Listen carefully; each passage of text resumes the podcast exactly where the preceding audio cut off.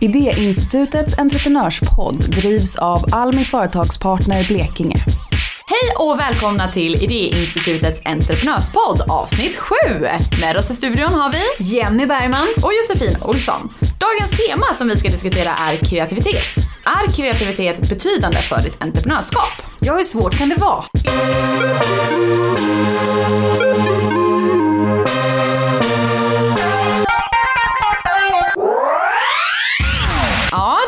Dags igen. Ännu ett poddavsnitt Jenny. Ja, idag är det dags att prata kreativitet. Och Malin är ju på andra jobbuppdrag idag, så då är det du och jag Josefin. Ja, det blir väl härligt. När är du som mest kreativ då?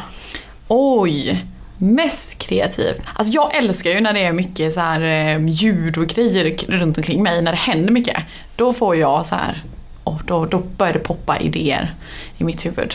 Jaha, jag är ju mer sådär att jag får de bästa idéerna när jag läser vad andra har gjort. Okej. Så om jag ska göra en, eh, vi säger en marknadsanalys, då googlar jag på hur andra har gjort marknadsanalyser. Och sen tweakar jag den så att jag kan göra den lite annorlunda. Eller om jag ska göra något event eller så, så kollar jag på hur andra har gjort. Ja, jo, fast det känns mer som att det är då jag liksom gör min så research efter att jag kommit på idén. Men om det är liksom om du ska få en färsk idé, tänker jag. Mm, ja, då dyker den nog bara upp för mig. Mm. Men har du, har du några så modeller som, som du använder ifall du känner så okej nu måste jag lösa det här och hur ska jag lösa det? Det jag kan göra det är, jag älskar ju Excel-ark. Så jag skapar ju långa listor där jag bara, okej nu måste jag kasta ur mig hundra idéer. Och sen kanske tre av dem blir bra, men jag ska bara göra så många som möjligt. Och för att få så många som möjligt så går jag in i olika roller. Så jag tänker, ja, men om syftet är att skapa ett event på torget, säger vi. Då kan jag tänka, om jag vore Jesus, vad skulle Jesus vilja ha för event? Mm, och så listar jag massa olika idéer då. Och sen tänker jag mig, ja men om jag vore borgmästare, vad skulle jag vilja ha för event då? Eller om jag var ett sexårigt barn. Så håller jag på så tills jag har de här hundra idéerna. Mhm. Men hur många roller går du in i då? Ungefär? Ja, fem, sex stycken ungefär. Lite olika åldrar och de kommer från olika platser. Okej, shit, ja den där var ny. Fast den bygger ju sig ganska mycket på någon så modell som jag brukar göra. Och jag är ju mer visuell, liksom, jag vill ju ha saker framför mig. Men jag brukar ju bara ta ett papper, speciellt om man jobbar tillsammans med någon. Eh, och så, så får man liksom bara skriva ner, att det finns inga dåliga idéer, så man bara skriver ner så mycket man kommer på kring ett ämne och sen eh, bara slänger man ut det på pappret, post-its gärna, färgglada. Eh, och sen så får man liksom rösta på de man tycker är bra. Och sen så plockar man ut eh, någon av dem som fick mest poäng och så, så fortsätter man göra en runda till på bara den. Och så fortsätter man så tills den liksom, helt plötsligt har du nästan ett färdigt koncept på en idé liksom. Mm. Och då måste det vara några stycken. Ja, det är bäst om man är en tre, fyra kanske. Vilka bjuder du in då? Är det familjen eller är det kollegor för att rösta fram? Och oftast är det kollegor för att det kanske är generellt liksom att vi behöver göra någonting i jobbuppdragssyfte. Men vi har ju också gjort det kring typ jul eller när man ska göra jag vet, ny mat eller så här. Så då har vi gjort sånt. Vadå, drar du fram post-its då och så Nej, men då små inte- stjärnlappar som man bara, nu ska ni rösta på om vi ska ha julskinka eller kålrotsjulskinka? eller hur funkar det? Nej, jag kanske inte drar fram mig typ post-its kanske på julafton eller dagarna innan. Men, eh, men papper och penna liksom. Det är mysigt, det blir som en familjeaktivitet. Ja, det låter schysst. Ja. Det kanske jag ska testa. Ja. Jag tar ju mitt Excel-ark och sen så eh, fyller jag i poäng då på de här olika aktiviteterna. eh, beroende på så här, leder den här aktiviteten i rätt riktning? Är den en flexibel eh, plattform? Eh, och är den ekonomiskt eh, gynnbar? Så, och så rankar jag dem 1 till 3 för att få fram topp, eh, toppaktiviteterna. Okej. Ja. ja, men det är bra. Då har vi ju gett våra lyssnare två tips i alla fall på hur man kan idégenerera på olika sätt. Ja, men där, tror du att kreativitet är medfött? Oj. Tror du att du föddes kreativ? Både ja och nej. Mm. Eh, för jag ser det som att kreativitet kan vara lite två olika saker.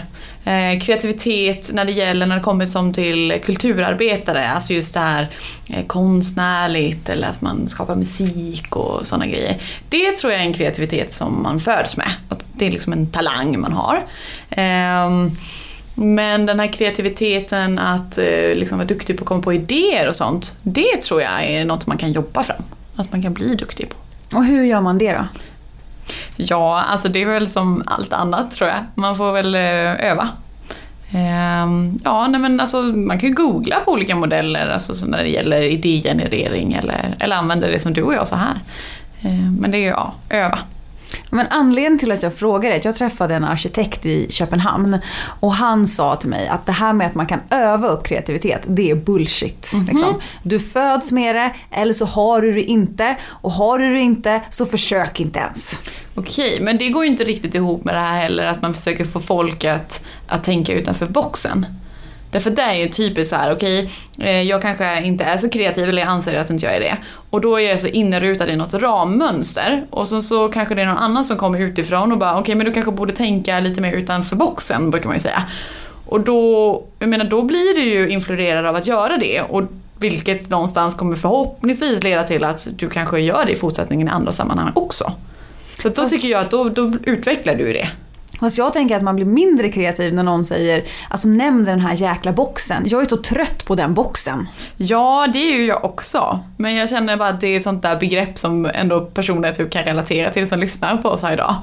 Ehm, som förstår, så man förstår liksom, ja, men vad det är jag menar. Ja, alltså jag håller ju med dig i att det är bra att öva på det. Jag tror på det. Jag menar bara att han gjorde ju absolut inte det. Nej. Ja, vi får se om vi kan lyckas bena ut det här tillsammans med Susanne som eh, kommer alldeles strax. Det ska bli väldigt spännande. Har du någon, har du någon eh, speciell fråga som du vill ställa till Susanne? Ja, jag vill ju undra när hon får alla sina idéer. Det undrar jag.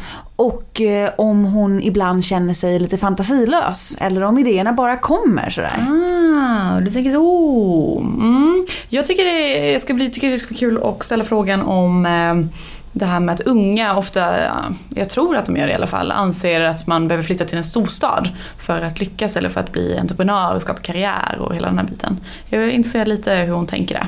Mm, mm. Jag har också det här, det här med att hon köpte ju en gammal skola som hon har gjort om till sin ateljé. Och det var ju ett gammalt ruckel när hon köpte det. Ja. Ja, eh, så att hon hade ju bara sju grader där inne och vantar fick hon ha på sig och, och så. Och då är frågan liksom, hur får man för sig att göra en, en sån grej?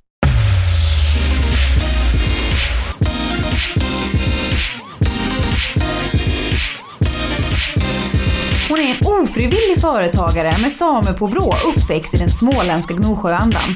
När hon bestämde sig för att köpa och göra om en gammal skola i Edestad Johanneshus till ateljé blev hon motorsågsskulptör på köpet tack vare all ved som behövde klyvas till kaminen.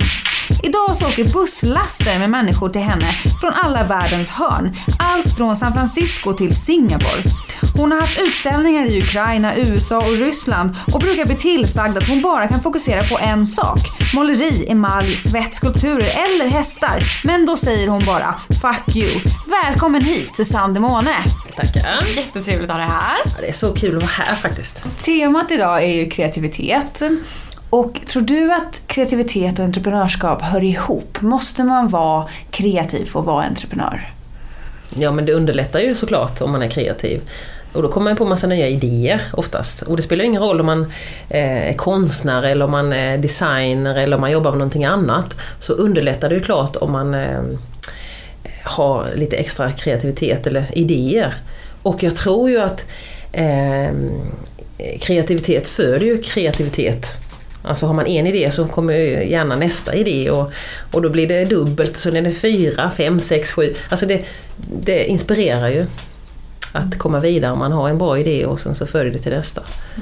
Så eh, nej, men det underlättar tror jag om man är kreativ.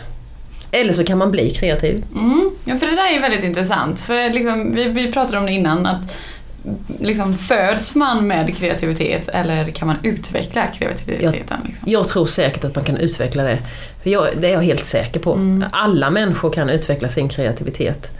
Och eh, börjar man redan när man är ung till exempel eh, och, och får chans att göra något kreativt, då vill man gärna göra, göra det igen och igen och igen. Alltså, det, det föds verkligen extra energi i, i det här kreativa, det tror jag. Men hur, hur kan man utveckla det då? Jag tror att, eh, att utveckla det, det är ju att om man har en idé till exempel så kan man ju faktiskt eh, försöka eh, få fram den här idén och jobba med den om man nu ska driva företag till exempel. Eh, och, och verkligen gå in i den här idén och försöka få andra till att tro på den här idén såklart. Och när man har lyckats med det sen, att det har faktiskt fungerat, då är man ju nästan i hamn på att gå vidare. För då har man ju både fått självförtroende, idén har lyckats och eh, om man ser en framtid. För det är ju det som är viktigt tror jag, att se framtiden. Att eh, se att det finns någonting man kan göra där ute. Eller med det man tänker. Men eh, där tänker jag, för det är ju många som har idéer och så vet man inte, ska man satsa på den eller ska man inte satsa på den då? Så när du får en idé, hur vet du att den är värd att satsas på? För jag kan tänka mig att du kan få ganska många idéer. Mm, lite för många ibland kan jag känna. eh, egentligen är det nog så att jag, från början visste jag ju inte det. Alltså jag är ju en ofrivillig företagare. Hur menar du då?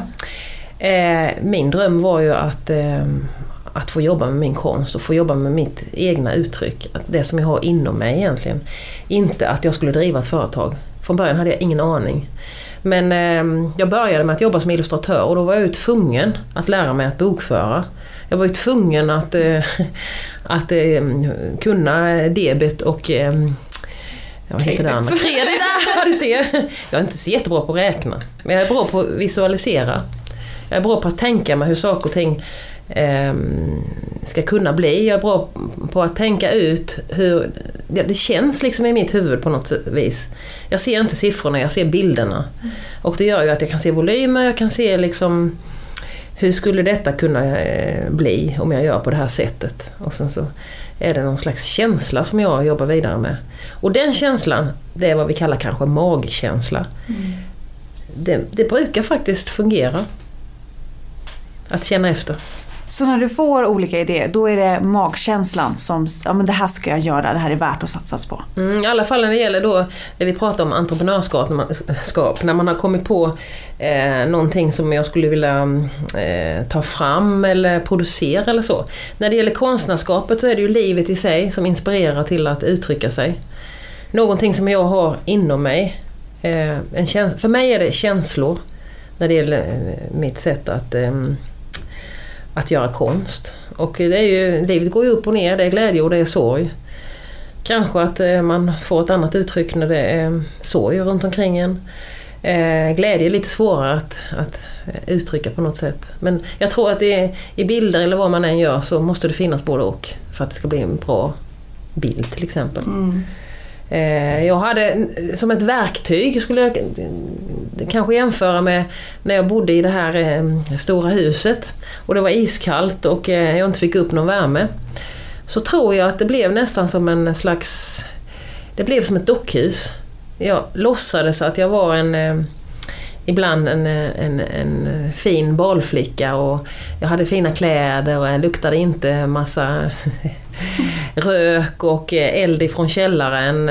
Utan jag, jag hade det varmt och gott och jag blev serverad med ett lilla vinglas. Och på något sätt så, så um, levde jag i en annan värld fast jag levde i en annan värld. Alltså det, en liten låtsaslek som gjorde det mycket enklare att, um, att stå ut med det man skulle göra. All den här att såga ved, att, att frysa, att, um, att liksom få ihop det. Mm. Eh, både ekonomi faktiskt och eh, eh, klara av att renovera som det har gått väldigt långsamt. Och man blir aldrig färdig. Men just känslan av att eh, Ja, att eh, när dagen var slut eller som den nästan aldrig var så, så känns det lättare att, att man är någon som blir servad mm. i fantasin. Nu har det förändrats lite grann eh, efterhand. Men det var liksom i, i det här eh, renoveringsprojekts, mm, ja, hela galenskapen om det.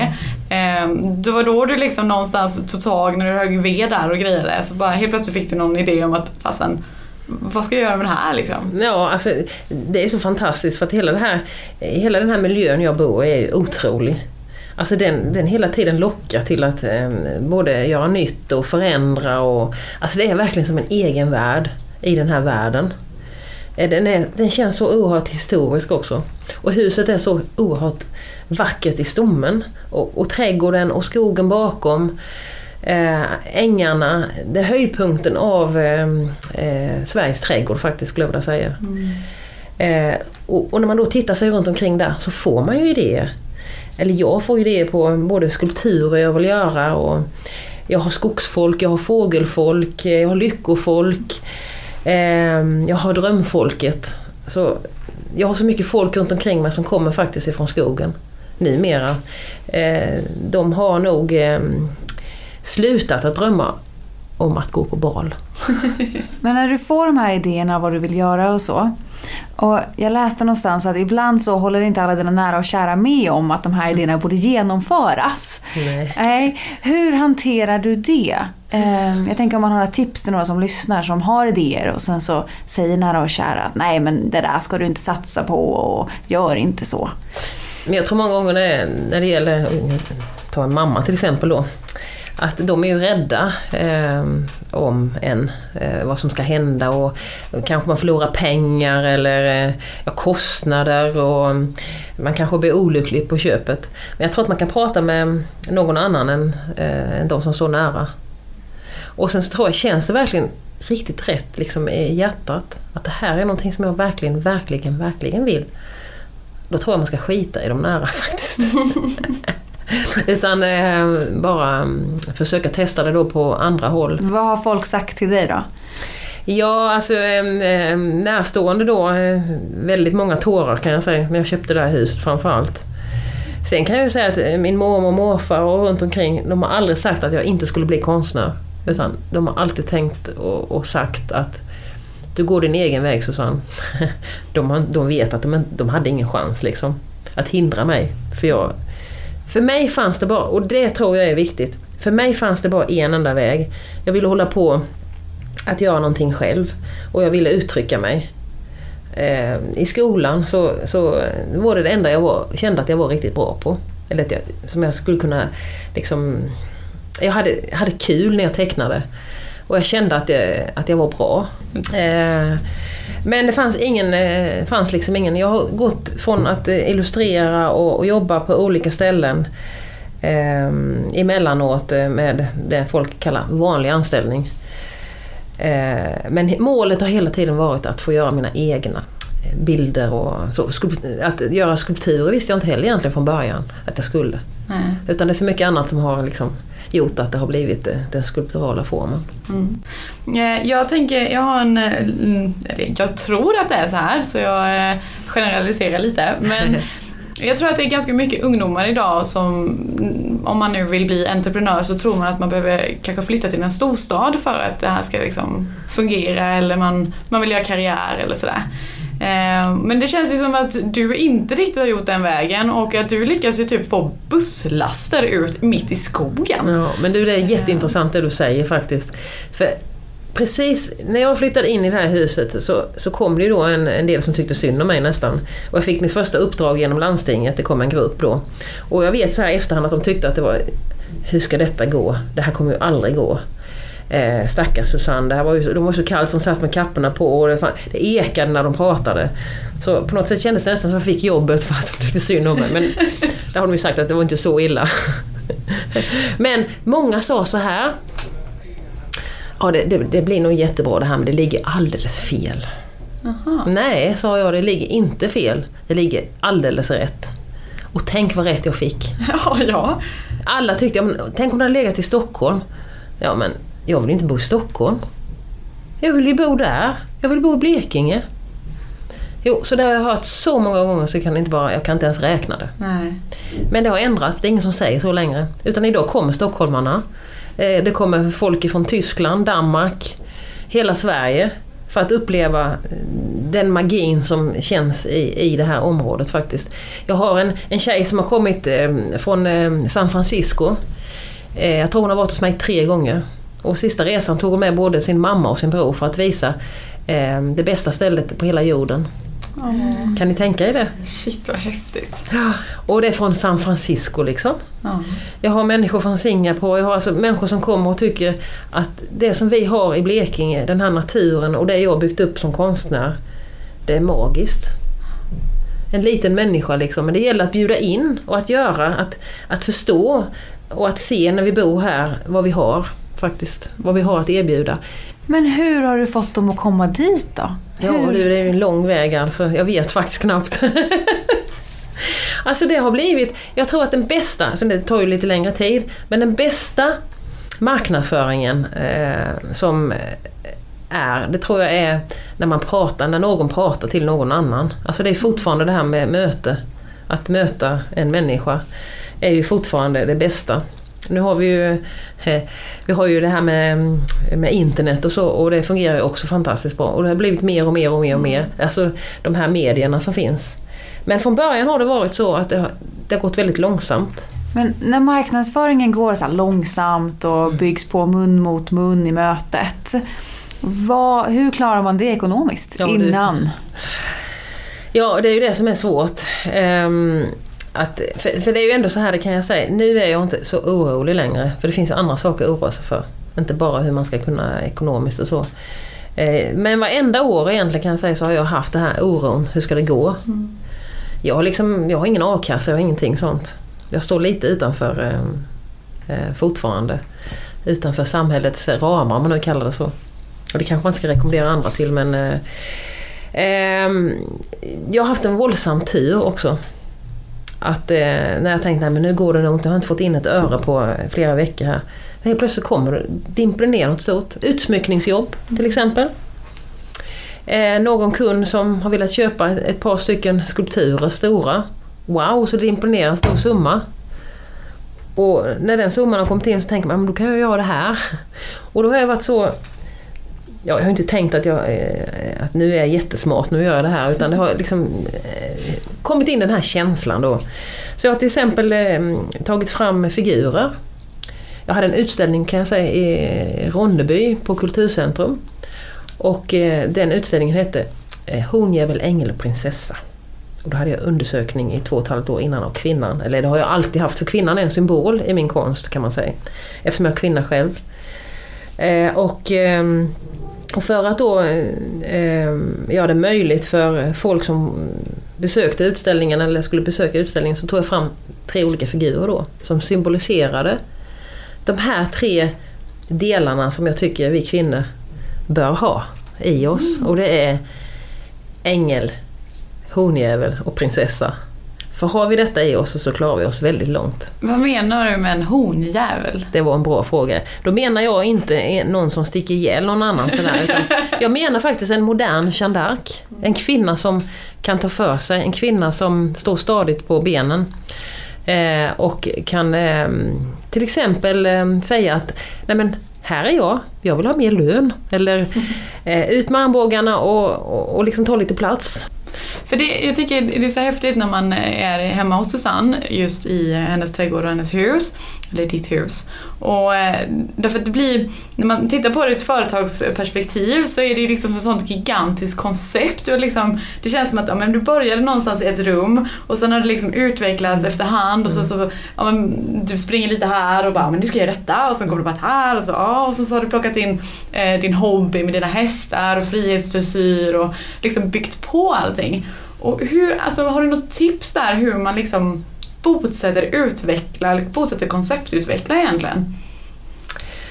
Alltså du, du har ju helt rätt det du säger för att så har det faktiskt varit. Att inte trodde jag att det skulle vara möjligt eller att, att, att jag skulle kunna jobba med hästar också, att det skulle kunna ingå liksom i min eh, värld. För det har ju blivit min värld på något sätt. Eh, även mina liksom, skulpturer och allt det jag har runt omkring mig, det är liksom som det en del av mig faktiskt. Som jag liksom har massa tentakler ut så här. Eh, men jag tror aldrig att man kan göra det på en gång. Det blir inte äkta. Och jag känner verkligen att det jag har gjort är ju någonting som jag har velat göra och jag tror att det syns. För skulle man göra allt detta på en gång så skulle inte det bli bra. Nej. Man måste ha lite eftertanke i alltihopa i alla fall. Eh, Och nu har jag haft turen att finnas på den här platsen som har gjort det möjligt. Alla de här små delarna har gjort det möjligt men det har inte bara, det har inte bara blivit på en gång.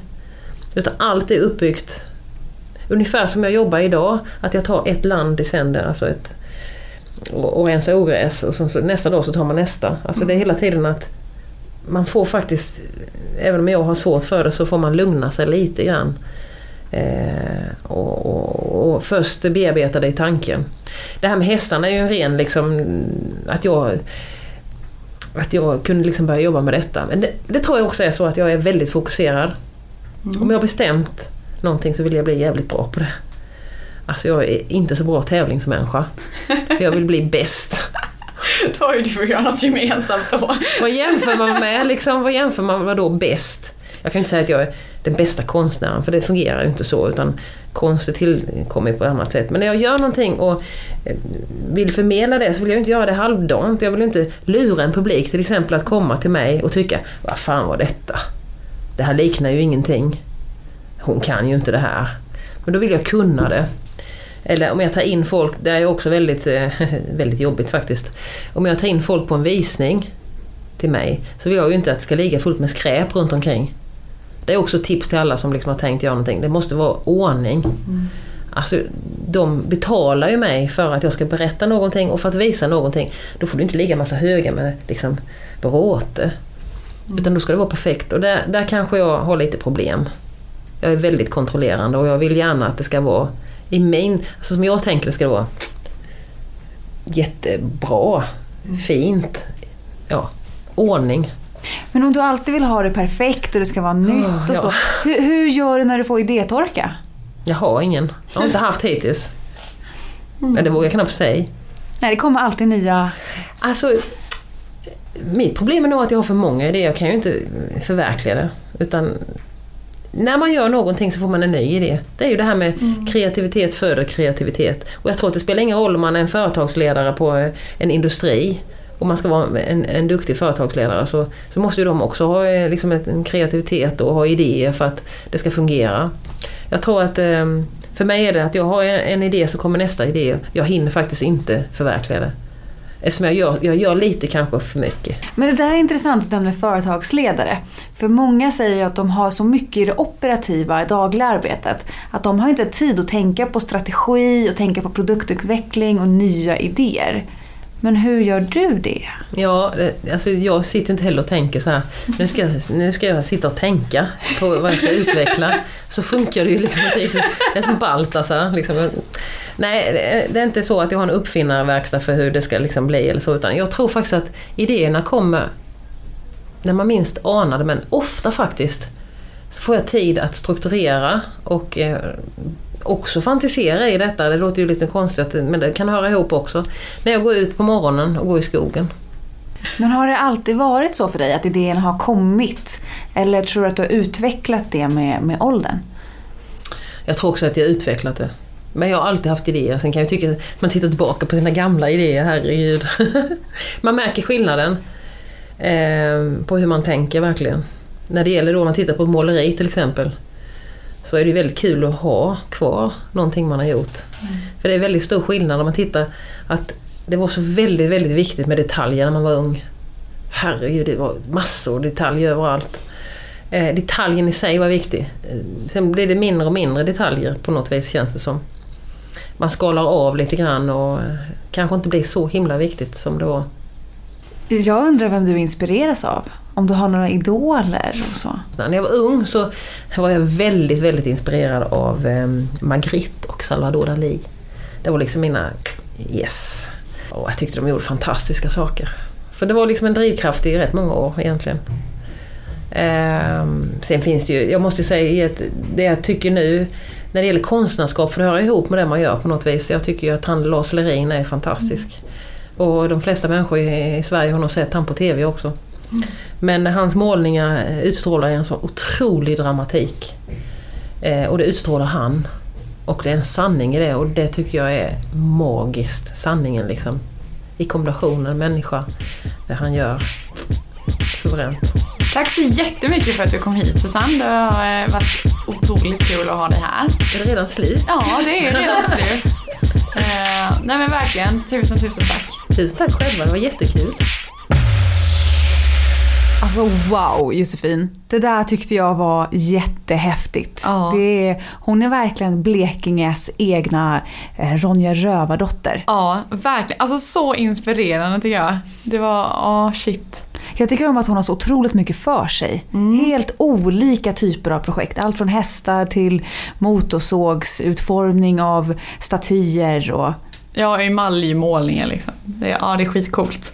Ja, alltså jag älskar ju hennes svar när du frågar så bara eh, Ja men eh, när får du idétorka? Och hon bara VA? Alltså du vet det stora frågetecknet det är som bara lös hennes ögon. Det var bara så sjukt härligt att se. Men det var som att det aldrig har hänt. Nej, nej, nej. Nej. Jag tycker med det här att hon är så ovanlig i att hon har kombinationen med kreativitet och struktur och modet att genomföra det. Många har ju bara kreativitet eller bara struktur så att de planerar sönder sig så att säga. Men hon har alla de här tre komponenterna. Ja. Det tycker jag är häftigt. Ja, det är nog väldigt ovanligt att man har det. Eh, ja, och så har hon nyttjat det på så bra sätt. Ja, och att hon får idéerna när hon är ute och går i skogen. Det tänkte jag på. Att det är inte när man vill tvinga fram idéerna som de kommer. Utan de bara dyker upp när man tar den här skogspromenaden och man är tom i huvudet. Att man bara låter tankarna komma in. Ja, jag tänkte mycket på det här som hon tog upp om eh, när man har en idé och så, så kanske man pratar med sina nära och kära om den idén och så kanske de för i all sin välmening då kanske tänker att nej det där borde du inte satsa på. Men att hon istället då har känt och liksom mött det där så många gånger och nu i, idag liksom tänker att nej men jag skiter faktiskt i att fråga mina nära och kära ibland för att jag vill ha input från andra. Och att eh, det är helt okej att eh, faktiskt göra så. Ja, och där tycker jag att det är viktigt med det här med modet som jag nämnde tidigare. Att det är viktigt mod och tål... Vad heter det? Tål... Att man har tålamod. Att vänta. Ehm, så att om många säger att det är en dålig idé, att man inte ska satsa på den, så måste man vänta ut den. Så det var ju inte som att folk kom med busslaster till henne i början, utan det har ju spridit sig väldigt långsamt när människor har rekommenderat henne. Mm. Ja, och det kan jag faktiskt passa på och rekommendera alla er som lyssnar att har ni inte varit ute hos Susanne Måne i Edesta och hennes fantastiska gamla skolbyggnad så bör ni verkligen åka dit. Det är en jättehäftig upplevelse. Ja, jag har inte varit där, så nu får vi ja, åka jag dit. ska, jag, ska, jag ska lova er här att jag tar med mig Jenny och åker dit. Det är fantastiskt. Ha det bra nu hörni, så ses vi om, eller hörs om två veckor igen. Yes! Hejdå!